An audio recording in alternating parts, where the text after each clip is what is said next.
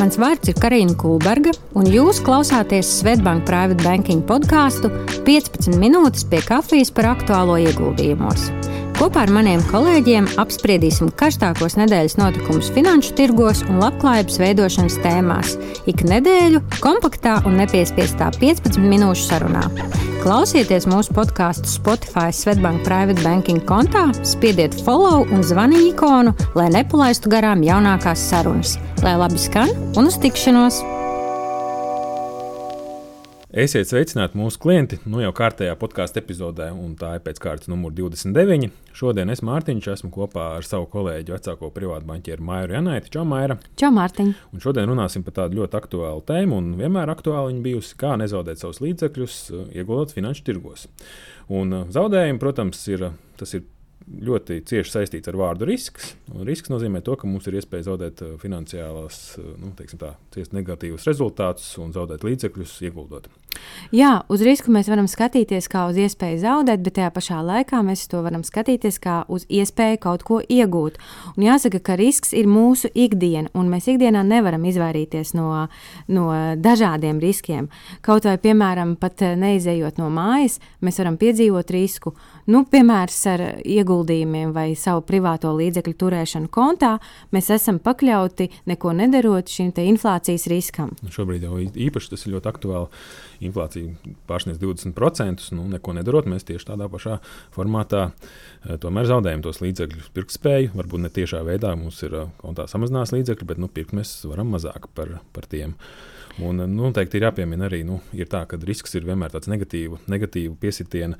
Tomēr riskus var kontrolēt, viņus var mazināt, un viņi vienmēr būs un pastāvēs. Vienmēr ir arī kaut kāda veida mazinošie faktori, kas, kas ierobežo tos. Un, uh, Eh, ja mēs skatāmies garā termiņā, kā jau tu pieminēji, Māja, tā ir iespēja. Un eh, neriskējot, tad mēs arī tos līdzekļus nevaram pavairot. Tāpēc droši vien ir katram cilvēkam un ieguldītājam jāatrod līdzsvars savā dzīvēm. Jā, tieši tā, un uh, sava uh, individuālā riska noteikšana ir ļoti svarīga komponente, lai sāktu ieguldīt. Jo katra riska uztvere ir atkarīga no mūsu individuālā rakstura. Kādam patīk braukt ar motociklu, lēkt ar gumiju, kāpt kalnos, bet citiem arī tad, ja fiziski viņi to var, nav vēlme šādi riskēt. Tāpat arī ieguldījumos. Mums katram ir savs riska profils, katram savs azarta līmenis, tāpēc ir svarīgi pašam priekš sevis saprast, cik lielu risku esam gatavi uzņemties. Man patīk teiciens, kas neriskē, tas nedzer šampanieti, bet tomēr, ja jūsu ieguldījums jums neļauj naktī gulēt, tas ir signāls, ka esat uzņēmies pārāk lielu risku, neatbilstoši savai riska apetītei. Un, ja, un nekas nav jūsu sirdsmiera un laba miega vērts. Un, eh, jā, par riskiem runājot, ļoti plaša literatūra, ļoti plaši šis jēdziens ir apspriests. Bet eh, sāk droši vien mūsu šodien šodienas epizodē, tādu kā pirmo, mēs gribētu apstīties varbūt tādu ne pašu klasiskāko, bet šobrīd Latvijā ļoti, ļoti aktuālo nu, lietu, kad ir uzradušies daudz krāpnieki, kas vēlas iegūt līdzekļus, un viņi izmanto tieši šādu argumentu kā ieguldīšana. Jā, um, pēdējā laikā medijos esam dzirdējuši, ka ir ļoti daudz pazaudētu naudas līdzekļu un it īpaši uz šo ieguldījumu krāpniecību. Un, uh, tas, ko ieteiktu tomēr vērtēt, uh, ja jums tiek solīta teiksim, kāda milzīga peļņa garantēta un netiek runāts par riskiem, piemēram, kas varētu būt milzīga peļņa, vismaz 10% garantēti, tas liek, jāliek jums uh, aizdomāties uh, par to, vai tas ir reāls, uh, reāls piedāvājums. Un uh, gribu uh, padalīties ar to, ko pasaules slavenais investors Varens Buffets ir teicis, ka risks rodas no neziņas. Respektīvi, ja jūs nesaprotat to ieguldījumu, kur jūs ieguldat, tad uh, ieteikums tomēr ir mazliet ievākt informāciju un, uh, un, uh, un, un saprast, uh, no kā tad veidosies tā peļņa, kura jums tiek solīta. Un, nu, jā, no tāda grāpnieka riska arī visvairāk var mazināt, eh, nu, ja izvēlaties drošus partnerus, zināmus, tās pašas vietējās bankas vai savus, eh, savus vēršaties pie saviem banķieriem, kuri arī var veikt ieguldījumus. Ja tomēr ir, ir vēlme izmantot starptautisku brokeru sabiedrības, protams, pašiem veikt mājas darbu un izpētīt eh, nu, populārākās, izdevīgākās, ievākt informāciju, atsauksmes. Un, ja tiešām ir kāds nu, cilvēks, kas ļoti uzmācīgi jums cenšas pārdot ieguldījumus ar šiem garantētiem ļoti augstiem procentiem, nu, ļoti, ļoti skrupulozi izvērtēt, vai tiešām tur apakšā nav kaut kādi ļauni nodomi. Tāpēc vienmēr domāt līdzi, kritiski skatīties un atcerēties, jā, kad, kad ieguldījuma pasaule ir plaša, bet tajā pašā laikā nu, ir, pie, ir, ir jāizvēlas partneri, kas, kas ir zināmi. Jā, un ja mēs turpinām par uh, īstiem ieguldījumiem, tad ir ļoti svarīgi um, nākamā komponentā šī riska faktora, ir svarīgi šis ieguldījuma termiņš. Tātad, jo jūsu ieguldījuma termiņš uh, ir garāks, jo jūs varat uzņemties lielāku risku savos ieguldījumos. Tad, nu, nu, mēs nokļūstam līdz tirgus riskam, droši vien par to runājot. Kad, Realtātē jā, mums nav iespēja vien, izmainīt pasaules ekonomiku. Ir, ir cikli, kas ir negatīvi, kad mūsu krīt praktiski jebkurš mūsu ieguldījums.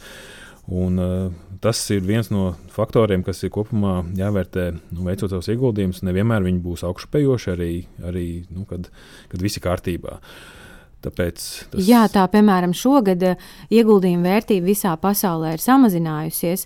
Un, eh, nu, tie ir globālie procesi, eh, kas ir ietekmēti gan no ekonomiskā, ekonomiskās situācijas, gan politiskās situācijas. Un, mēs esam šeit vienā laivā. Bieži vien no šie riska mēs nevaram izvairīties. Bet svarīgi ir, kādus lēmumus šajā tirgus krituma laikā mēs katrs tajā brīdī pieņemam. Vai mēs krītam panikā un pārdodam zemā punktā, vai pacietīgi gaidām, kad vērtība kārtība atjaunosies, vai vēl gudrāk mēs izmantojam atlaižu periodu un ieguldam papildus. Jā, un tieši tā arī savu labklājības plānošanu, ka mēs izvēlamies dažādu veidu nu, aktīvus, piemēram, nekustamo īpašumu, dažiem ir savu uzņēmējdarbība, ir uh, likvīdie līdzekļi, ir finanšu tirgi. Tas arī jau sam samazina šādu veidu varbūt negatīvu ekonomisko ciklu ietekmi. Protams, mēs nevaram izmainīt pasaules kārtību, bet tajā pašā laikā nu, dažādi aktīvu klases strādā dažādi. Viena varbūt pat kāpja kaut kādos brīžos, kad cita, cita krīt. Bet mēs pieminējam nekustamo īpašumu, nu, ir droši vien cieši saistīts arī tāds likviditātes risks. Bieži vien to nu, attiecina uz nekustamo īpašumu, bet noteikti tas ir attiecināms arī uz ieguldījumiem akcijās, obligācijās. Ko tas nozīmē? Tas nozīmē, ka realitātē mēs nopērkam kaut ko vai mēs nu, gatavojamies pirkt kādu no aktīviem. Bet, nu, redzam, ka nav baigi daudz vai nav liela aktivitāte finanšu tirgos ar šiem, šiem līdzekļiem. Nu, nav daudz pirkšanas, pārdošanas darījumi. Jā, ja mēs vēlamies kaut ko pārdot, tas nozīmē, ka arī finanšu tirgos ir, ir jābūt pretī tam pircējam. Ja? Un, uh, bieži vien uh, tas pircējs var neatrasties. Nu, pārsvarā, kā jau tu pieminēji, šis risks attiecās uz nekustamo īpašumu, bet tajā pašā laikā arī gan akcijas, gan obligācijas, gan arī fondi var būt pakļauti šim likviditātes riskam.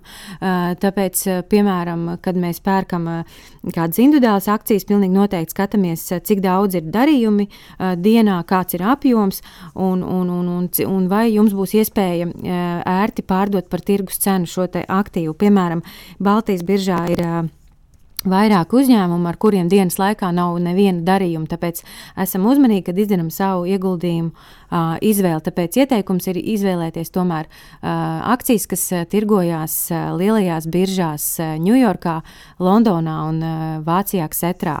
Un te arī noteikti negribētu teikt, ka, nu, ja netirgojās ļoti aktīvi, tad uzņēmums ir slikts. Uh, Tas tieši no ieguldījuma viedokļa vienkārši jāizvērtē, ka, ja būtu jāpārdod nu, kādā nu, saspringtā periodā, iespējams, nebūtu pircējs un iespējams būtu jādod laba atlaide, lai pārdotu. Nu, varbūt pat nebūtu īsti pircēji. Bet, nu, ja mēs pērkam šādu uzņēmumu, tad jābūt kaut kādai papildus argumentācijai, kāpēc mēs to darām. Vai mums tur ir ļoti liela ticība, vai arī mēs zinām kaut kādas vairāk informācijas. Tāpēc nevienmēr likvidācijas risks ir slikts, bet tieši no ieguldījuma un konkrētā brīža pārdošanas vienmēr jāņem plāns B, kad nu, ir citi līdzekļi, ja nu pēkšņi ir nepieciešams mums viņus ātri saņemt.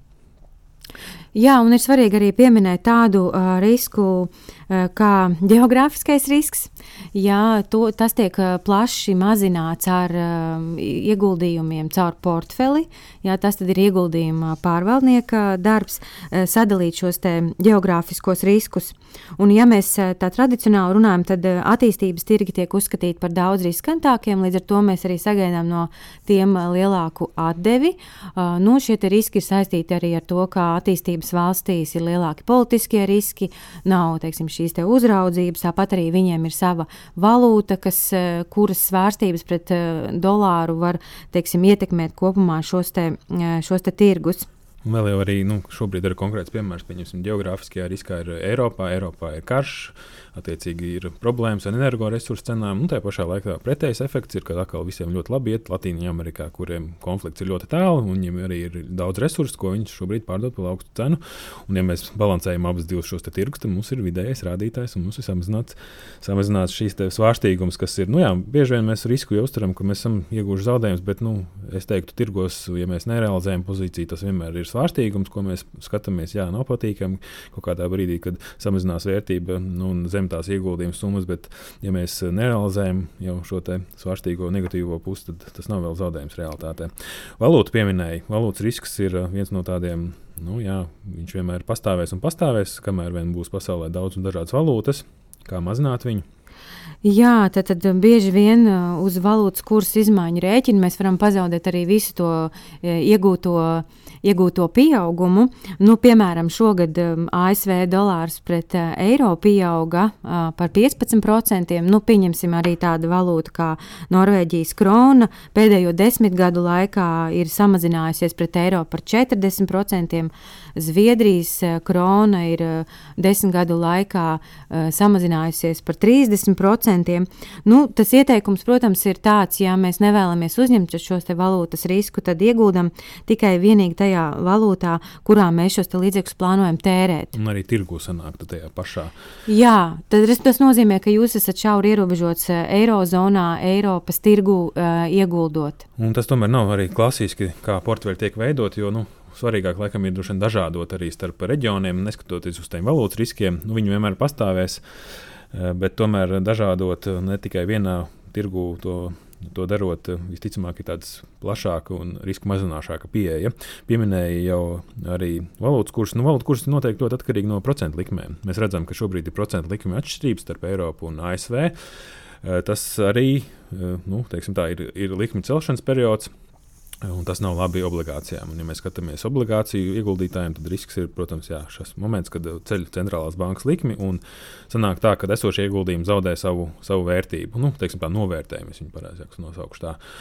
Uh, bet obligācijas, kā jau ir minēts, mūsu iepriekšējos podkāstos, ir labs instruments. Tas, ka ir, nu, ir uh, emitents, kurš sola atgriezt visu pamatsummu. Šī gadījumā, ja netiek mainīta nezinu, termiņi, dažādi veidi, varbūt mainīts obligāciju tipi, tad uh, ir jāsagaida vienkārši to dzēšana. Un, ja uzņēmums ne, nebankrotē vai valsts, uh, tad arī, protams, tā pamatsumma kaut kādā momentā atbilstoši obligācijas dzēšanas termiņam atgriežas. Jā, tāpēc svarīgi pirms mēs pērkam kādu individuālu obligāciju, vai tā ir uzņēmuma obligācija vai valsts, mums ir svarīgi vērtēt šo kredīta risku, respektīvi, cik liela varbūtība ir ka šis aizņēmējs, emitents eh, termiņa beigās spēs atgriezt visu uh, pamatsummu. Un, uh, šim nolūkam var izmantot uh, starptautisko aģentūru kredīta reitingus, tādu aģentūru kā Standard un Poor, uh, Moody's un Fitch, kas nosaka gan valdībām, gan uzņēmumiem kredīta reitingus. Un tad, tad visaugstākais, kā piemērs, kredīta reitings Eiropā ir Vācijai un attiecīgi Amerikā tad ir ASV. Un, piemēram, lai iz izvē, izvērtētu fondus. Uh, ieguldījumu fondus, arī, te, arī biržā tirgotos fondus, tad uh, var izmantot arī Morningstar uh, publicēto reitingu. Un noteikti arī pērkot akcijas, varētu skatīties šos reitingus, jo viņi arī pietiekami labi atspoguļo nu, to kvalitatīvo. Ja uzņēmums ir laba reitinga, tad nu, arī akciju cenai varētu nu, nesagaidīt ļoti lielu svārstīgumu. Un bieži vien arī, ja mēs runājam konkrēti vienas akcijas pirkšanu, nu jāņem vērā, cik liela tā pozīcija tiek, tiek, tiek veidot mūsu portfelī. Un, eh, ja mums ir tikai viens uzņēmums nopirkt, nu, tad tas risks konkrētam uzņēmumam ir ļoti augsts. Jo realitātē tad eh, parādās arī tādas nianses, kad pats uzņēmums var, nu, viņa vadība pieļaut kādas kļūdas, eh, var būt kādi skandāli. Nu, tad sanāk, ka viena tāda koncentrēta ieguldījuma rezultātā mēs varam ciest zaudējumus. Tāpēc nu, arī viens no Un klasiskākajiem veidiem, kā izvairīties no tā, taisīt plašāku portfeli, dažādot, diversificēt. Tas būs tas viens no veidiem, kā mēs mazināsim mūsu riskus. Jā, nu, tu pieminēji jau, ka var, kas ir atkarīgs no vadības, jā, un, un šāda veida risks. Uh, to var arī uzskatīt par operacionālo risku. Uh, respektīvi, tas ir, uh, ja procesi, cilvēki un, un sistēmas var kļūdīties, un, un, un rezultātā tas var ietekmēt negatīvu ieguldījumu vērtību. Tas cilvēciskais faktors ir klātesošs vienmēr, un, jā, kā jau minēju, jebkurš var kļūdīties. Un risinājums šeit būtu izvēlēties tiešām tādu ieguldījumu pakalpojumu pakalpojumu sniedzēju, kas jau, jau darbojas uh, tirgu, jau kādu laiku ir atpazīstams, kuram ir laba reputācija, kurš tiek regulēts un uzraudzīts no regulātora puses. Un kopumā jau droši vien ieguldot, ja mēs skatāmies, kā vislabāk ir mazināt uh, šo risku ietekmi uz saviem ieguldījumiem, ir viens, nu, pirms mēs veicam uh, apzināt visus šos riskus, saprast, kāda ir tā mūsu arī stratēģija ieguldot, pastīties, kādi ir mērķi mūsu ieguldījumiem, un ja viss tas ir tādā balansā un pārdomāti izdarīti, tad pilnīgi nešaubīgi ilgtermiņā šiem riskiem ir stipri vien mazāks efekts uz mūsu ieguldījumiem, un tam ir jānes mūsu ilgi gaidītie un vienmēr cerētie augļi. Teikšu tev, Maira, paldies, paldies, ka klausījāties, un tiekamies mūsu nākamajās epizodēs. Audio saturā dzirdētā informācija nav uzskatāms par ieguldījumu konsultāciju vai ieteikumu slēgt finanšu tirgus darījumus vai ieguldīt finanšu instrumentos. Paldies, ka noklausījāties mūsu sarunu šodien. Atgādinu, ka, lai nenokavētu jaunākās epizodes, spiediet follow un zvaniņu ikonu Spotify kontā Svetbank Private Banking, lai laba diena un uz drīzu tikšanos!